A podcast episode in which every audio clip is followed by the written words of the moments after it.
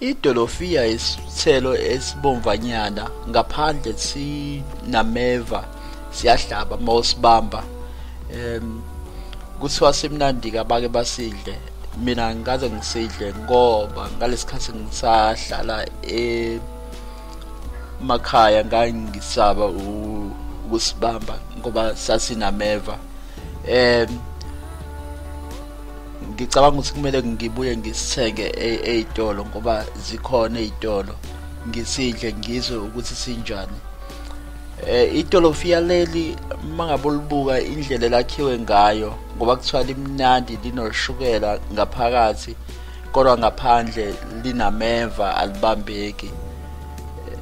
Indlela elakhiwe ngayo ungacabanga indlela ekwenziwa ngayo isivumelwano phakathi kukaSomandla noIsrael. iBhayibheli lithi ngalesikhathi uSomandla akha isivumelwano noIsrayeli wenza kwabakhona izibusiso neziqalekiso. Kwakuyizo yizo isivumelwano noma amathize thize noma ama terms and conditions esivumelwano eh, ababe naso. Eh mangabe chaza uMoses inciko kaSomandla encwadini kaDeuteronomy chapter 28 uthi ngizobeka izibusiso neziqalekiso. Bese ezisho ke izibusiso ezikhona azisho azisho zonke izibusiso abazoyithola. Bese ebuye ezosho iziqalekiso ezizobehlela mangabe bengalaleli izwi likaJehova.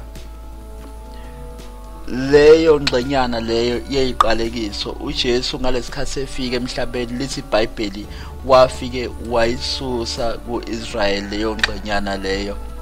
Uyazi kanjani lento le? Lento lena uJesu yena umele umele isivumelwano umele isivumelwano phakathi kwaSomandla nabantu umele isivumelwano phakathi kwaIsrael noNkulunkulu. Em uJesu ngalesikhathi ekhona emhlabeni ngalesikhathi efa efela izono zabantu efela izono zika-Israel into ayenza lesiBhayibheli lesiBhayibheli into ayenza wa wa wenze wenziwa waba umhlatshelo wa washa kuphi ngaphandle kwekamo. Lithi washa ngaphandle kwekamu umzimba wakhe uwashiswa noma washa ngaphandle kwekamu like ukusha ngomlilo ngaphandle kwekamu. Ah incwadi yabaseHebrew chapter 13 verse 11 khona uzoyifundela nami ngizofunda lana ngolimi luka George. The high priest carries the blood of animals into the most holy place as sin offering, but the bodies are burned outside the camp. incwadi yamaHebheru chapter 13 verse 11 ngicela uyifundele um laphana kuthiwa uJesu kuthiwa umpriest omkhulu uthatha idumbu uthatha imzimba uthatha imzimba yezilwane yomnikelo ahamba yoyishisa ngaphandle kwekamu kuthiwa nojesu naye umzimba wakhe wathathwa wayobekwa ngaphandle kwekamu washiswa. Eh, leyo nto leyo ujesu uyisivumelwano noma ubemele isivumelwano phakathi kwa-israyeli into eyenzekayo isivumelwano eh, noma umele isibusiso kahlahle nothi isivumano isivumelwano ngqo. Umele isibusiso phakathi kwa-Israyeli noNkulunkulu. uJesu uyisibusiso uyisibusiso uyisibusiso sika-Abraham. Mawukhumbula kahle u-Abraham wayenikezwe isibusiso esinezinto ezintathu. Into yokuqala enikeziwe kwa isomandla wayethe Abraham ngizokunikeza izwe laseKenani ngizokwenza inzalo yakho ukuthi ichume igcwale umhlaba wonke. Wathi ngizoyinikeza mina wena ngizonikeza wena mina ukuthi mina ngibe uNkulunkulu wakho. uNkulunkulu wazenza wabe ingxenye yesibusiso sika Abraham ukuthi yena uzoyinikezela kuAbraham abe uNkulunkulu kaAbraham ngakho uJesu uyisibusiso sika Abraham uyisibusiso eh, sika Abraham ingakho ke eh eyingxenye enkulu nengxenye yokugcina yesivumelwano uSomandla ayesenzile noAbraham ukuze kufezekise kufezeke izwi lokuthi uAbraham uzoba ubaba wezizwe eziningi 1 number 2 inzalo yakhe izofana nothuli lomhlabathi ifane nezinkanyezi phezulu. 3 izizwe zonke ziyobusiswa ngaye uAbraham. Izizwe e, e, e, abantu abaphuma kuAbraham noma abangaphumi kuAbraham babezobusiswa ngoAbraham. uJesu ke uyisibusiso sikaAbraham. Kodwa manje inkinga ngesibusiso sika-abrahamu mangabe usomandla esesiletha esesitshengisa ukuthi uyabanika abantwana ba-israyeli eh, eh ngalesikhathi ebanika umhlaba ingxenye ebalulekile yesibusiso sika-abrahamu ubanikeza umhlaba une unamathize thize noma unemigomo nemibandela imigomo nemibandela le ekade ikhona iyona lena ekade e, e, eyisivumelwano esidala noma imigomo imibandela yesivumelwano esidala iyona ekade yenza ukuthi uMoses agcine etshela abantu ukuthi mangabe nilalela izwi likaJehova uzokwenza lokhu nalokhu nalokhu nalokho okuhle. Kodwa mangabe ningalaleli uzokwenza lokhu nalokhu nalokho okubi.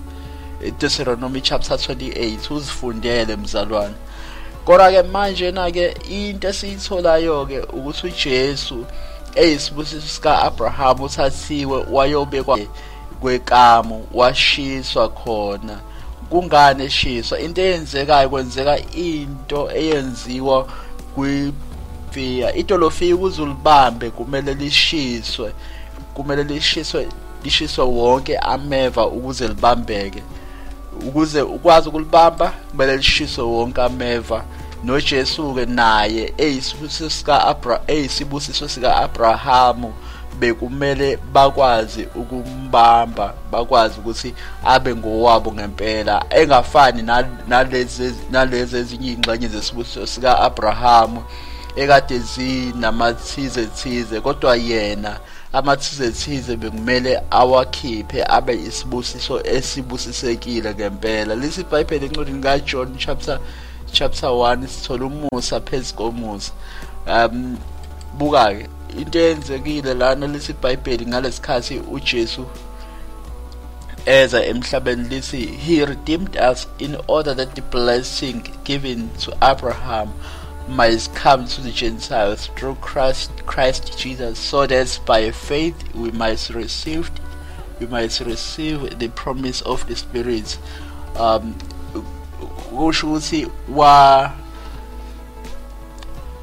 kusho ukuthi uJesu wahlenga amaJuda ukuze isibusiso sika Abraham sehlele la kwabezizwe.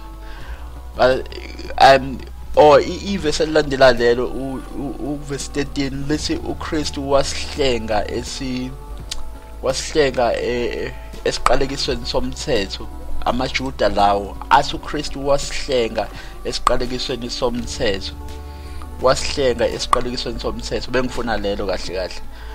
Mangabe bahlenga esiqalekisweni somthetho isiqalekiso somthetho besibonakala ukuthi besi besi besi sibi kanjani mawufunda incwadi yabaseka yama Deuteronomy chapter 28 ukuthi bekubhidlika kanjani izinto akade besibayazakha ngenxa yokuthi kade benzile isono. Ngicela ukufunda futhi. Christ redeemed us from the curse of the law by becoming a curse for us for it is written cursed is everyone who is hung on a pole.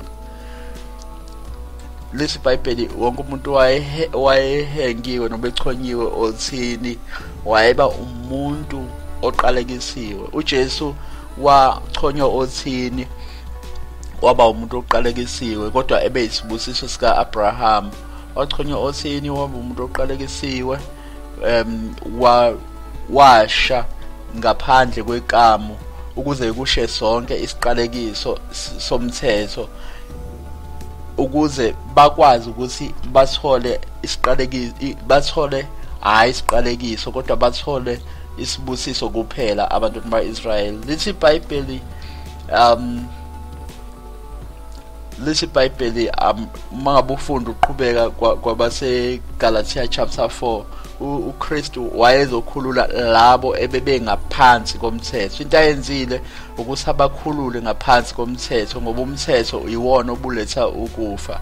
Lithi funda kwabase Roma chapter 10 verse 4 lithi um, Christ is the culmination of the law so that there may be righteousness for everyone who believe kusho ukuthi uKristu wayengukuphela komthetho ukuze kube kube khona ukulunga noma kube ngokulunga kubo bonke abakholwayo.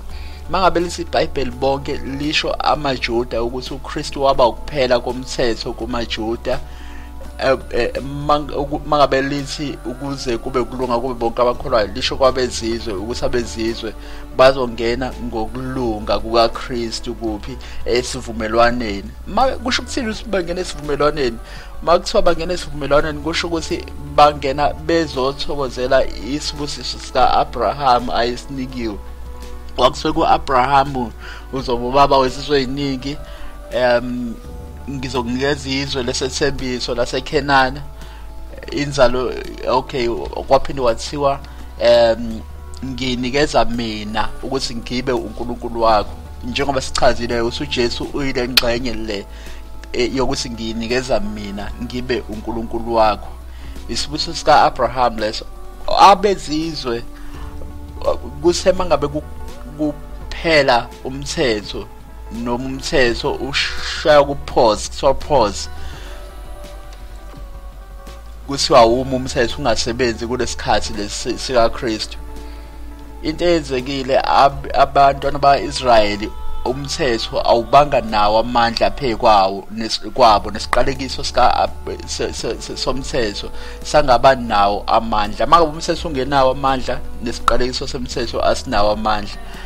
Emva kwalokho abezizwe base baba nethuba lokuthi bangene babe ingxenye yesibusiso sika-abraham uqhubeka kuverse 12 lithi for there is no difference between jew and gentile. The same lord is lord of all and richly blesses all who call on him.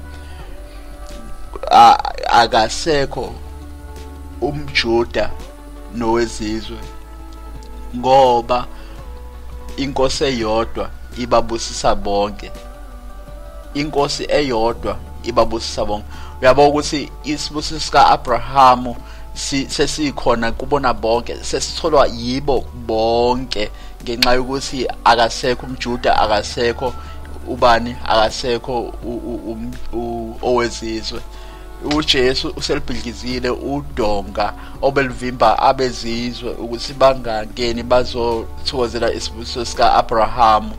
uJesu waphinde washa ngaphandle kwekamo ukuze kushe izinto ezi ezenza ukuthi isibusiso sika-Abraham sibe nesiqalekiso. Washisa zonke iziqalekiso zesibusiso sika-Abraham ngalesikhathi kushiswa ini umzimba wakhe ngaphandle kwekamu mzalwane amangabuka futhi isifanekiso se se dolofia idolofia isithelo esithi mangabe usidla usikha uthola ukuthi sinameva ameva yakuhlaba ezandleni. Noma usufuna ukusidla kusiyona nje into ongayilingani uthi ayidle ngoba ameva aso ayahlaba. Kodwa kudingeka ukuthi uthathe umlilo olishise ngaphandle khona ameva ezosha. Mangabe ameva seshileke usungakwazi ukuthi ulihlube ukwazi noma usike ukwazi ukulidla ngaphakathi. uJesu ubefana ngathini? Isibusiso sika Abraham sisonke besifana nani besifana nalo idolofia besinameva ngaphandle okwesiqalekiso somthetho. Kodwa ngaphakathi sibe sisihle simnandi silungile. uJesu into ayenzile ke ufike wasisusa lokho okungaphandle kwameva ukuze ukuze ama ama-Israyeli amajuda akwazi ukuthi athokozele futhi ajabulele ukudla eh, isibusiso sawo.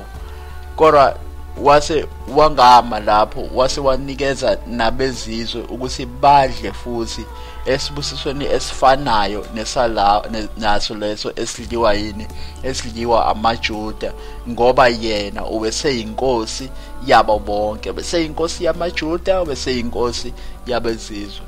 Praya Nkosi umfundi kaJesu Kristu.